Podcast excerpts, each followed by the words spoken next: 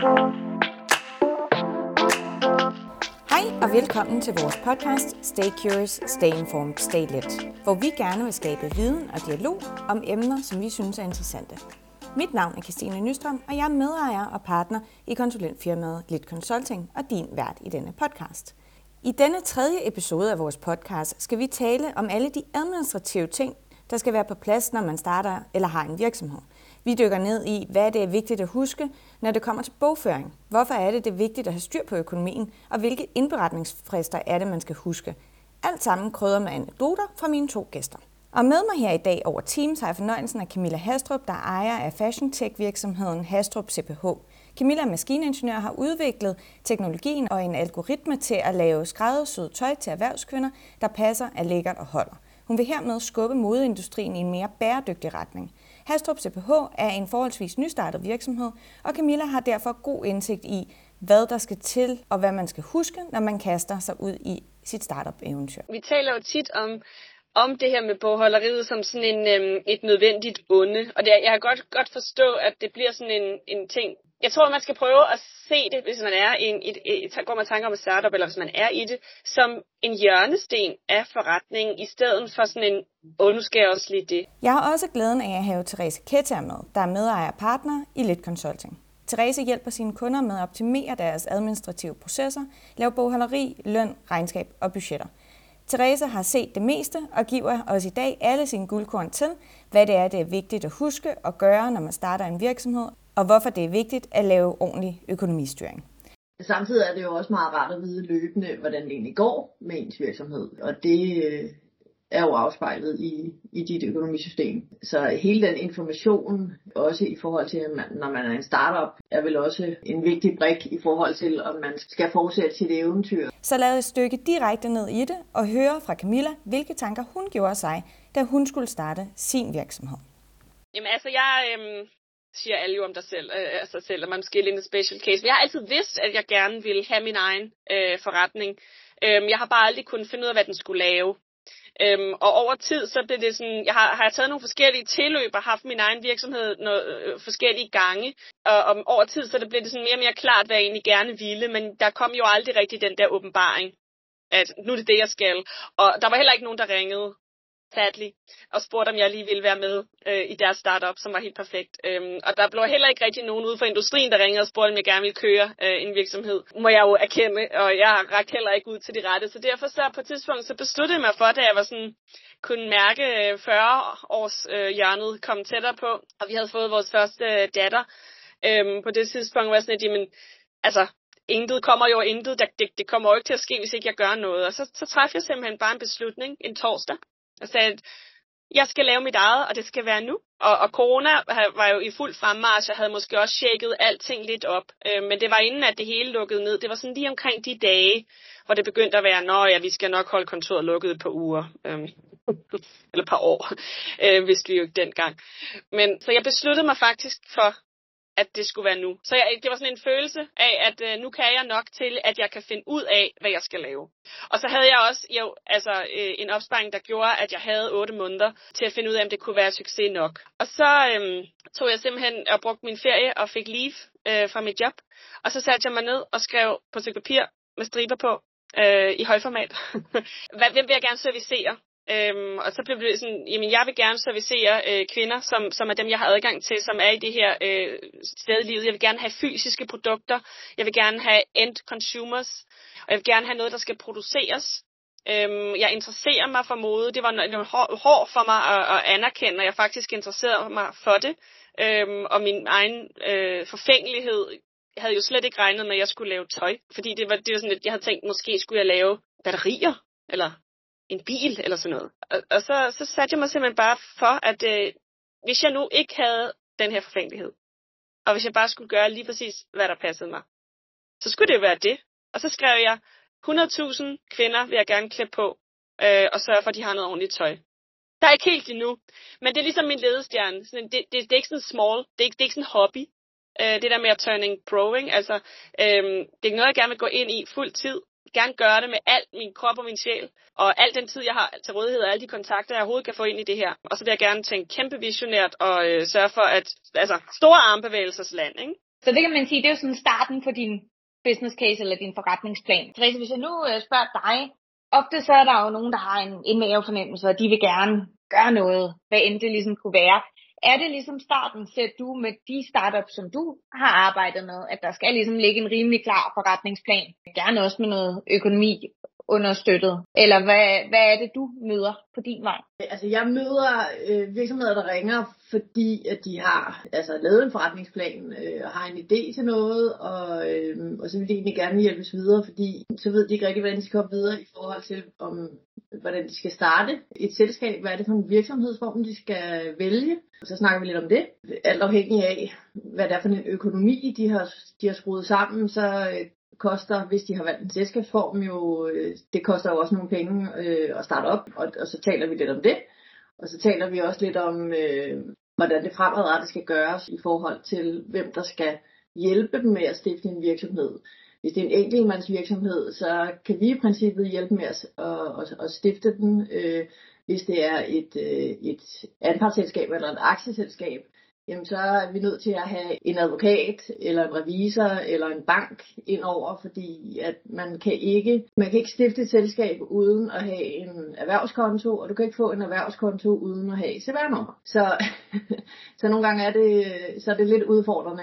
Det er jo som regel en revisor, der, der stifter selskaberne, men øh, da revisor ikke øh, har klientkonto, og man kan, og så derfor kan deponere sin øh, startkapital øh, hos revisoren, jamen så er man oftest nødt til at rette henvendelse til en advokat, eller få banken til at hjælpe. Øh, banken kan også stifte øh, selskaber, alt afhængig af hvad der er for en bank, der er selvfølgelig. Men de fleste vælger måske nok at få hjælp af en advokat, fordi der er jo forskellige stiftelsesdokumenter, vedtægter og sådan nogle andre ting, som skal udarbejdes, som skal sendes til, til Erhvervsstyrelsen. Og det tager det jo selvfølgelig lidt penge for at lave, men, men øh, samtidig kan du så også deponere din startkapital hos øh, advokaten på deres klientkonto, og så stifter de så virksomhed. Det er, det er vel egentlig det første step, som vi taler om, hvis, hvis, altså hvis de ikke allerede har stiftet en virksomhed, når, når de retter henvendelse til os. Camilla, hvis du tager, hvis du alt det her? Altså for mig lyder det, det er så mange ting, man lige skal, man har sin vision, man har sin idé om, man vil gerne herhen, det er det her, man gerne vil lave, og så kommer der sådan en administrativ væg i hovedet på en med alle mulige ting. Havde du sat dig ind i det, eller hvordan var altså, det for dig? Altså, jeg går jo meget ind for at springe over, hvor gæret lavest. og det tror jeg, man er nødt til, når man er, når man er et startup. Så jeg havde, og det har jeg haft i mange år faktisk, et CVR-nummer som en enkeltmandsvirksomhed, fordi det, man har brug for, er jo bare en eller anden form for øh, virksomhedsmæssig identitet, som, man, som kan håndtere noget inflow og noget outflow, og man kan importere nogle produkter, hvis de kommer fra et ikke-europæisk land, og sådan, altså meget gelinde, ikke? Øhm, så det kom først senere, jeg begyndte at tænke meget i selskabsformer, fordi jeg var meget bevidst om ikke at fortabe mig i brevhoveder, ikke? altså til, til at starte med. Øhm, så sådan noget som brand names og konstruktioner og sådan noget, som det, det måtte ligesom komme efter, jeg havde fået skabt netop den forretningsmodel, som, som vi snakkede om før. Ikke? Så for mig så, så kom det nok de der otte måneder senere, da jeg havde bevist, at jeg godt kunne sælge noget, og jeg havde et produkt, som jeg kunne udvikle, og jeg havde lavet øh, markedsanalyser, og jeg havde en eller anden sådan en rough øh, businessplan, som jo ændrer sig nogle gange, som man bliver klogere. Ikke? Og Therese, så er der jo også øh, sådan noget fantastisk som moms, som ja. øh, jeg tænker, og jeg tænker også Camilla, du også har skiftet bekendtskab med det fantastiske ord moms, som jeg tænker er en black box for rigtig mange. Camilla, vi kan starte med dig. Når jeg siger moms til dig, hvad siger du så?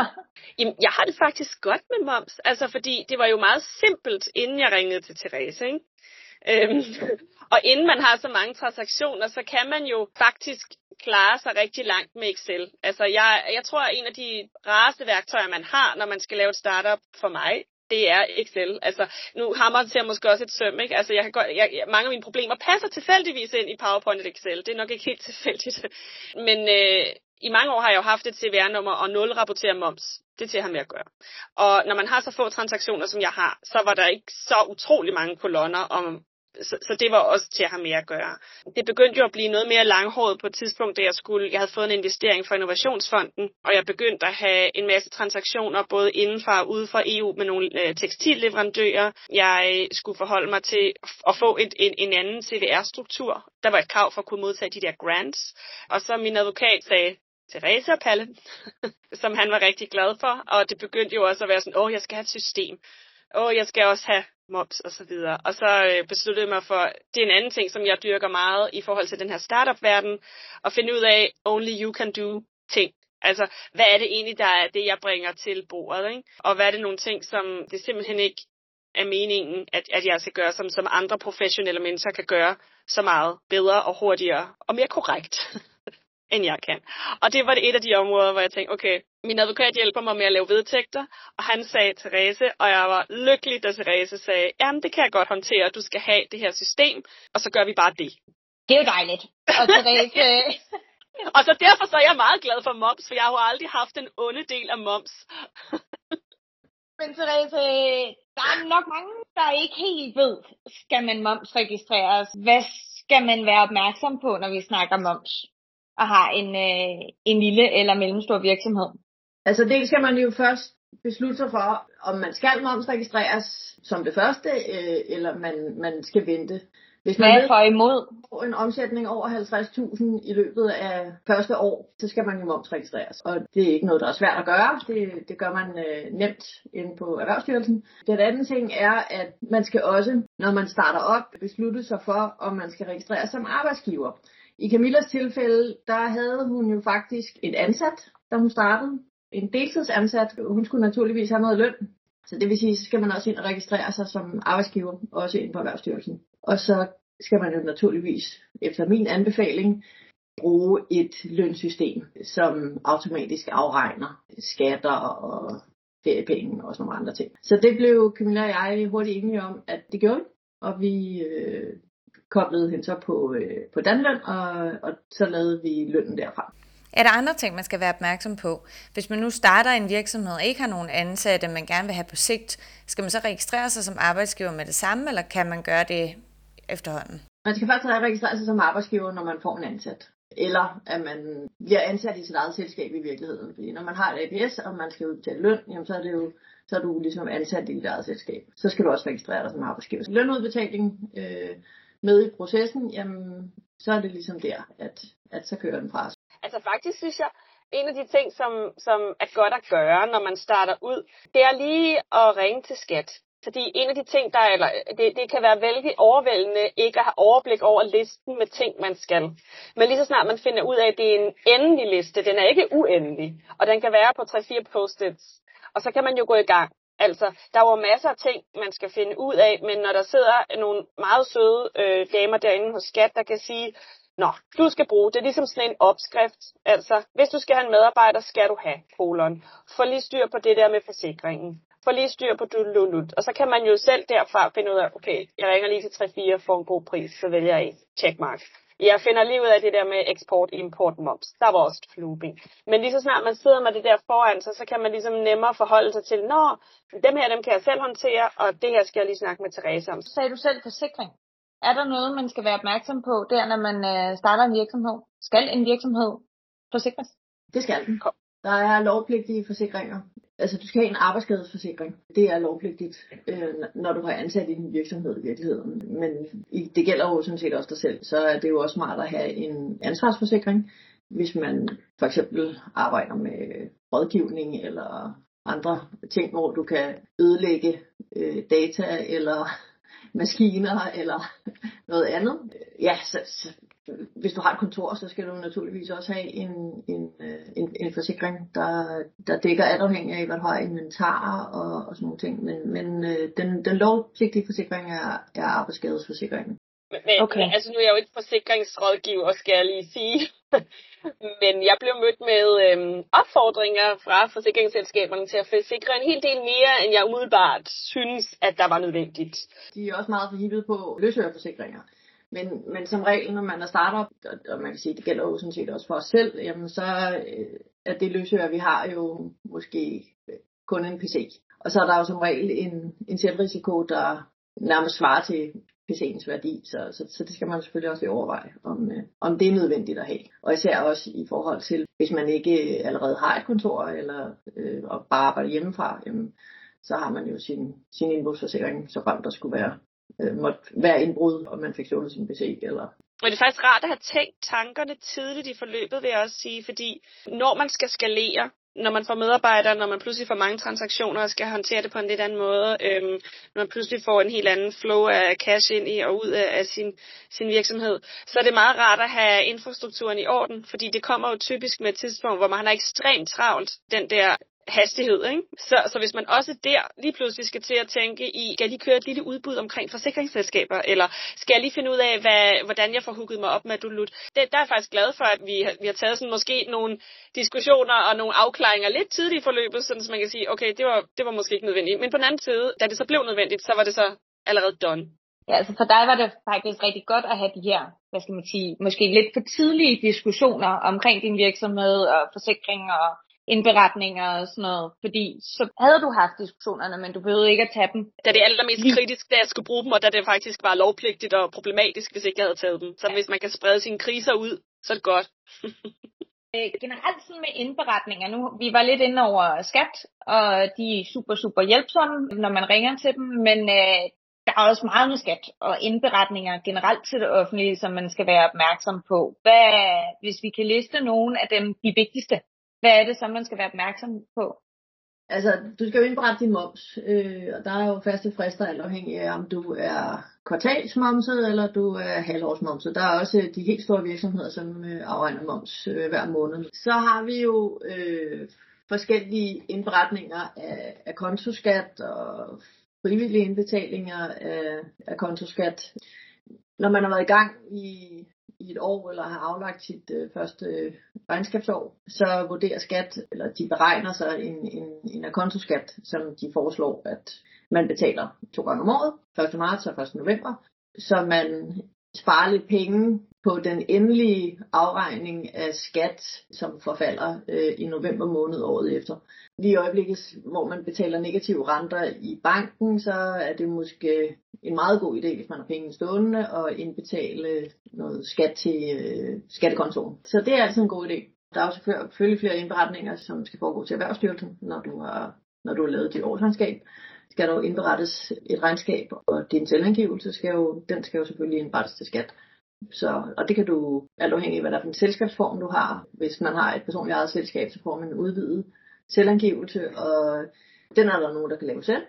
Øh, og andre får hjælp hos revisor eller en, en bogholder. Og hvis du har et selskab, jamen, så har din virksomhed en selvangivelse, som skal indberettes, og det er jo som regel øh, revisor, der opstiller regnskabet og, og indberetter de ting. Og generelt, når vi sådan snakker bogføring, hvad er det egentlig, man skal sikre sig? Nu ved jeg, Camilla, du har været ret tidlig ude med både at have fat i Therese, der styrer din, øh, dit bogholderi. Hvad skal man sige, hvis vi starter fra en virksomhedsejers synspunkt, er der nogle tanker, du har gjort dig, eller du er blevet klogere på, efter Therese er kommet på, med hensyn til bogholderi? Hvad er det, man skal være opmærksom på? Jamen altså, generelt så er det jo godt at holde lidt orden ombord, ikke? Det er ikke godt at have økonomistyring i et øh, stort plastiktech rod, og så kigge på det øh, tre dage inden øh, kvartalsmoms lukker. Altså, det er, det er godt at gøre det sådan lidt løbende, igen sprede sine aktiviteter lidt ud, sådan, så det ikke opstår og bliver et problem. Jeg tror, jeg tror også, det her med, med bogholderi har måske fået et lidt et dårligt ry, fordi at, at det ligesom, der, der ikke, øh, at der, der er mange måske ikke har grebet det an med den her rettidige omhu, som det måske kræver for ikke at blive så slemt. Og det tror jeg i hvert fald har været en, en læring, jeg har gjort meget, meget tidligt. Ikke? At man også måske i stedet for bare at se det som sådan et, et onde, at det er, jo rent, det, er jo, det, er jo, det er jo vigtig information til en selv. Altså man skal jo gribe det an som et asset i en, en, en virksomhed. Ikke? Altså, hvordan står det egentlig til med vores, ud, vores, vores omkostninger, udgifter osv.? Altså, øh, øh, hvad kan vi forvente, der kommer ind? Så hvis man har tænkt sig at lave et budget og sætte på, hvad, hvad koster jeg egentlig at drive mig selv? Så på den måde, så, så, så ser jeg det ikke som sådan en, ærgerlig aktivitet. Altså det er mere sådan, det er et meget, meget vigtigt værktøj, der er hele fundamentet for, at vi ikke bare laver et produkt med en rigtig god forretning. Altså, så for mig så er det sådan en hjørnesten. Og Therese, fra en øh, administrativ konsulents synspunkt og bogholder, du har jo set mange ting øh, hos øh, forskellige kunder, tænker jeg. Hvad vil være dine bedste råd til en øh, nystartet eller en, en mindre mellemstor virksomhed med hensyn til bogholderi? Altså når folk henvender sig til mig i forhold til øh, hjælp med bogholderi og regnskab og sådan noget, så anbefaler jeg dem jo naturligvis at få et økonomisk program. Og øh, jeg arbejder bedst selv i Economic. Vi har øh, også et par kunder, som øh, har brugt nogle andre regnskabsprogrammer, og øh, dem, har jeg, dem har jeg simpelthen fået til at konvertere, fordi jeg synes, at Economic er øh, et super godt for at have bedst styr på, på, på dine tal, øh, og vide, hvor meget du skylder i moms og, og sådan nogle andre ting, sådan jævnt hurtigt, jamen, så er det jo smart, at man har et sted, at man kan, man kan bogføre tingene. Og vi har, vi har jo set meget i, i tidens løb, altså lige fra folk, der kommer og afleverer deres bilag i en plastikpose, og jo faktisk, øh, sådan, du ved, lige før den ene frist øh, er overstået. Til folk, der naturligvis er, øh, er gode og ordentlige og har alting øh, sirligt placeret i en mappe. Så, og, det, og det er vi jo super glade for, når, når vi skal starte op med at hjælpe. Men, men som regel, så, så når folk de henvender sig til os, så er de ikke sådan helt startet op endnu, eller måske er de kun lige startet.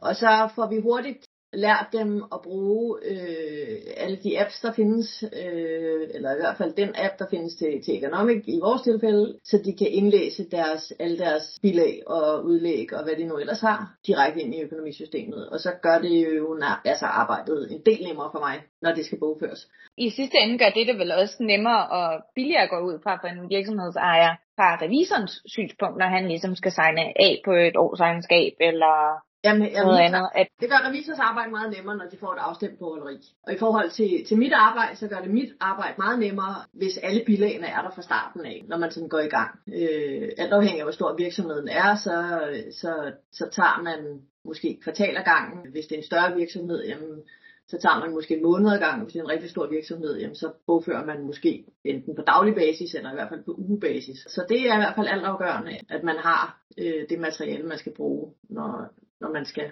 passe et bogholderi. Og så er der jo momsfristerne, der skal overholdes, øh, og der er jo noget momsafstemning, der skal laves, og noget momsandsynlighedsgørelse. Og det, øh, det foretager vi jo også, alt afhængig af, hvor, eller hvor ofte der, der skal indberettes moms. Men øh, hvis det er forholdsvis stort bogholderi, jamen så er det smart at gøre det løbende, ligesom det er smart at lønafstemme løbende, så, så man ikke skal sidde med det til slut på året og, og rode rundt i lønbogføringer 12 måneder tilbage. Det, øh, kan jeg ikke anbefale.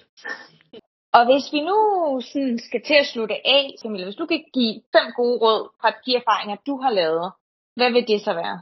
Jamen altså, øh, det vil nok være det her med, at man skal prøve at, at tage det lidt af gangen. Altså det der med at springe hård over gæret øh, er lavest, er altså meget godt ikke at, at gå all in med, at gå for, for, for dybt ind til at starte med, fordi man føler, man skal forstå alt ned i syvende detalje, men at ligesom komme kom videre, og så få, få lært noget af det.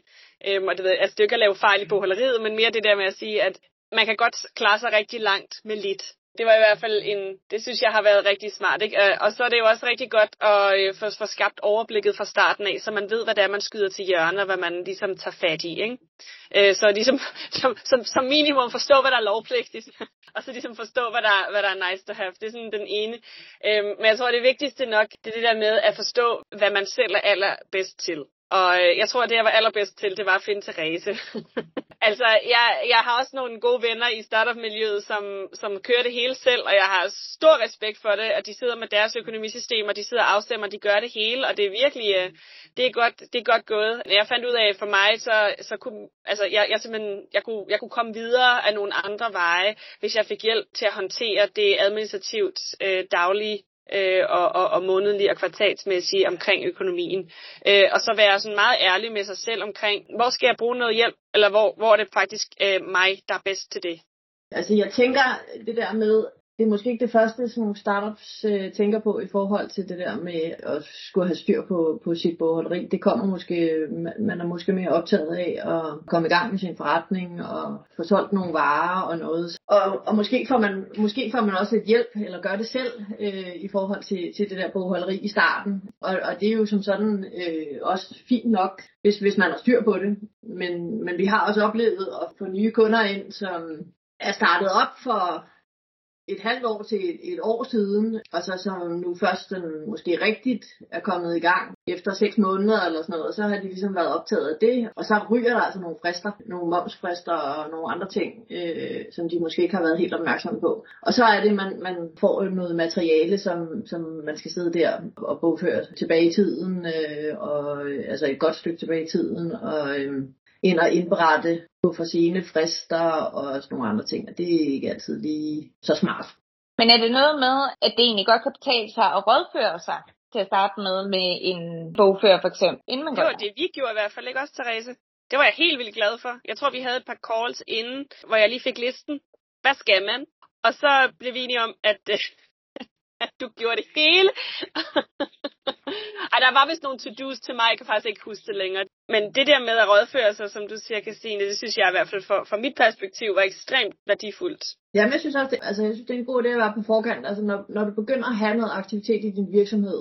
Altså, jeg tænker bare lige så snart du begynder at få noget indtægt i din virksomhed, du får nogle udgifter i din virksomhed, jamen så få på plads, hvordan det fremadrettet skal være i god tid. Fordi, og det er fint nok, at man starter med at og registrere alt i et, i et, i et Excel-ark, og når man så når frem til den første momsfrist, så kan man jo vurdere, om han har så mange indtægter og udgifter, så, så det var smart måske at få det puttet ind i et system, eller om man sagtens skal håndtere det derfra. Øh, man skal selvfølgelig bare være opmærksom på, at moms er ikke bare indgående og udgående moms mere. Der er jo også andre momskoder, man skal indberette, og hvis man har salg til et andet EU-land, skal det særskilt indberettes. Så, så alle de der ting skal man jo også være informeret om og opmærksom på. Altså min anbefaling er vel, at man får sig en, en økonomiløsning øh, fra starten af. Øh, de fleste af de økonomisystemer, der findes, har koster forholdsvis lidt i forhold til, at man er starter. Så hvis man har under 2.000 posteringer om året, jamen altså så koster det måske 99 kroner om måneden eller 49 kroner om måneden øh, at have med den løsning. Og så kan man samtidig opbevare alle sine bilag inde i øh, økonomisystemet, så man har det i den tid, man nu skal. Men jeg, jeg kom faktisk lige på en, en, en ting, fordi at øh, vi taler jo tit om om det her med bogholderiet som sådan en, øhm, et nødvendigt onde. Og det, jeg kan godt, godt forstå, at det bliver sådan en, en ting. Jeg tror, man skal prøve at se det, hvis man er i en, et, et, et, går man tanker om et startup, eller hvis man er i det, som en hjørnesten af forretningen, i stedet for sådan en, åh, nu skal jeg også lige det. Altså, med mindre man driver virksomheden med henblik på at underholde sig selv, altså som sådan en hobby, så er det jo med henblik på at tjene nogle penge og servicere nogle kunder, jeg bevares, men jo ikke gratis, antager jeg. Og med at få nogle penge ind og nogle penge ud, så øh, navn de ind, ligger der jo en, i en eller anden form for løfte om, om, om vækst, således at man kan skabe noget mere værdi i verden. Nødvendigvis med penge, men, men det produkt, man nu sætter ud, som man jo forhåbentlig tror på. Så måske i stedet for at se det som sådan et, øh, nå, det skal vi også lige, så, så, så, ligesom, så se det som hele øh, karosseriet af den forretning, man er, man er ved at bygge, og, og være lidt glad for det, og bruge det som en, som en styrke og se, hvordan man kan hive, hvad, hvilke informationer kan man egentlig hive ud af det, fordi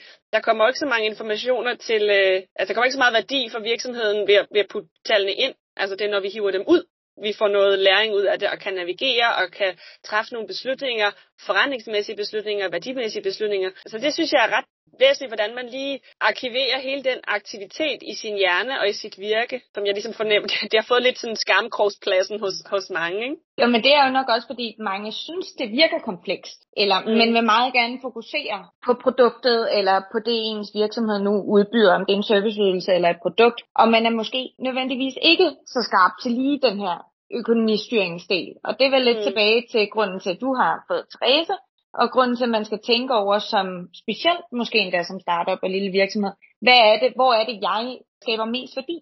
Samtidig er det jo også meget rart at vide løbende, hvordan det egentlig går med ens virksomhed. Og det øh, er jo afspejlet i, i dit økonomisystem. Så hele den information, også i forhold til, når man er en startup, er vel også en vigtig brik i forhold til, om man skal fortsætte sit eventyr, eller, eller man måske skal skal slå bremsen i, inden man er nødt til at sælge sit sommerhus og alt muligt andet for at, at forfølge sin drøm. Ikke? Det er da mega vigtigt. Jeg tror faktisk, det er virkelig, det, det gælder jo ikke kun økonomien, det gælder jo alle aspekter. Jo mere man kan bruge den information, man lever med i sin virksomhed. Altså alt, hvad man kan tracke, vil jeg næsten sige. Ikke? Altså selvfølgelig skal man jo ikke overgøre det, men altså, jo mere man kan forlade sig på noget virkeligt, i stedet for nogle gidsninger om, hvordan man føler, det går. Ikke? Det gælder jo også i forhold til marketing, det gælder også i forhold til salg, det gælder også i forhold til de omkostninger, man har med sine råvarer, hvis man producerer noget.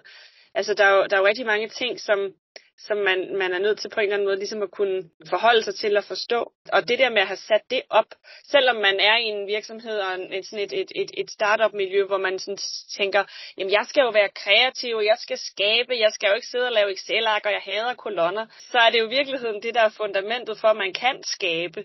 Det er, at man forstår, hvor, hvor vi egentlig henne og hvad der er op og ned. Så det vil måske også være et råd, som, som i hvert fald jeg vil, vil give, hvis ikke øh, jeg allerede ret godt kunne lide Excel. Så se at blive rigtig glad for Excel, fordi så er der bare alt andet lige mere tid til det, som, som er det innovative og det sjove, hvis man har styr på, på det fundament.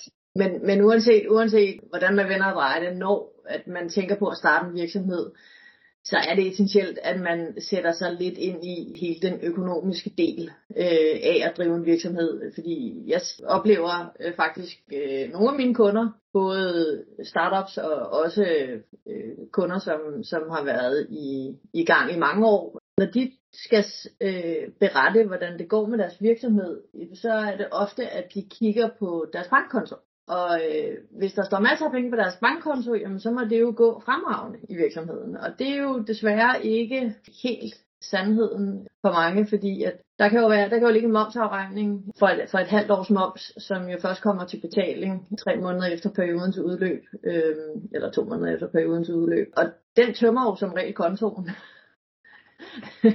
og, og så, er man jo, så, så går det måske ikke så godt lige efter man har betalt momsen, hvis man, hvis man udelukkende kigger på sin, sin bankkonto. Så derfor er det jo ret vigtigt, at man, man ligesom har øh, sådan et helhedsbillede af, af, hvad man egentlig har omsat for, og hvad man egentlig skylder. Og det er oftest det der med, med momsen, der kommer lidt som et chok for folk, der driver virksomhed. Så det er en god idé at ligesom sætte sig ind i, hvordan, hvordan hele økonomien er skruet sammen, i, øh, når, man, når, man, når man starter op på sådan noget.